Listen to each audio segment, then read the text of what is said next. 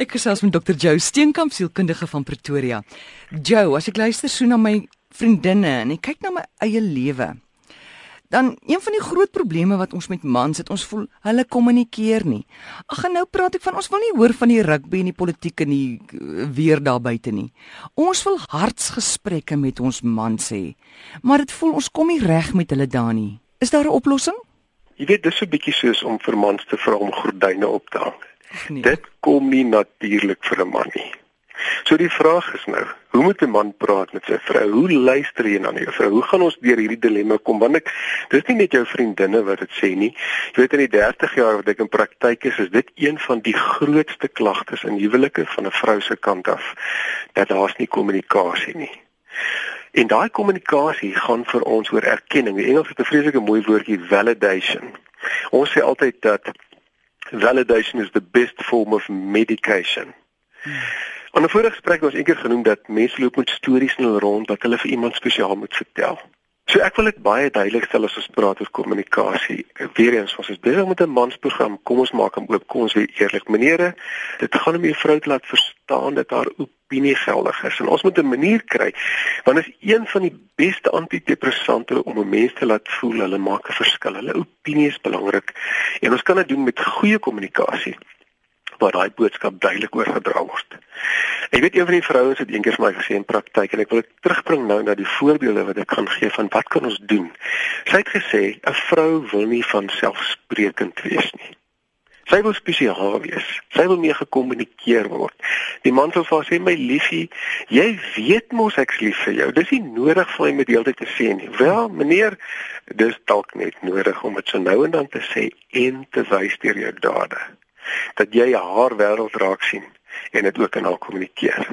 Nou altyd wat ek gesê het, validation best form of medication.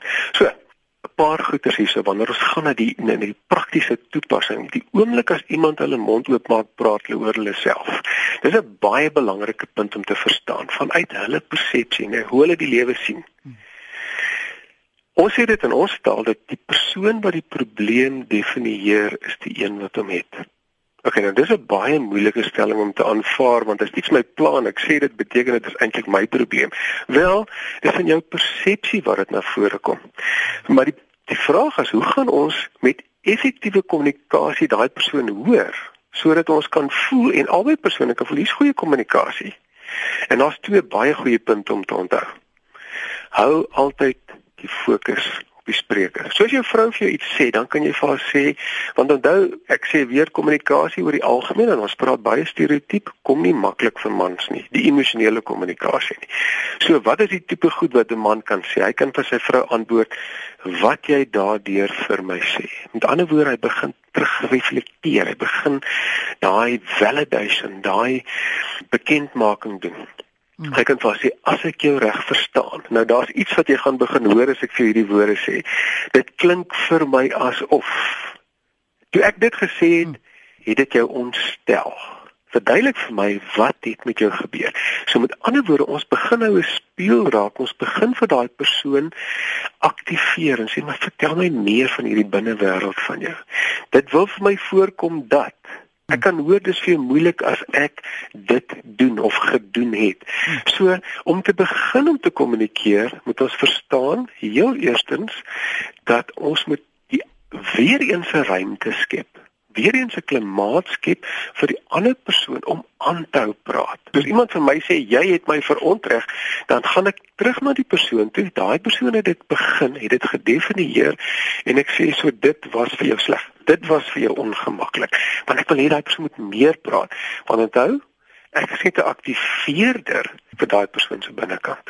Tweede ding, die oomblik as jy verdedig, dan het jy reeds die boodskap verkeerd verstaan want jy het dit joune gemaak jy daarop gereageer jy het dit weggevat van jou vrou jy haar daai stukkie ontneem jy joune gemaak en daarop gereageer wat beteken jy het haar nie gehoor nie so so belangrik die oomblik as ek voel ek wil myself verdedig moet ek onmiddellik vir my sê hou terug hou terug gee die refleksie vir my vrou terug. Laat sy verder met my praat. Want die oomblik as ek verdedig, as ek besig met my eie goed en sy is besig met haar goed en dan vat ek dit weg en dan sit sy met dieselfde probleem. Sy het nie gehoor nie.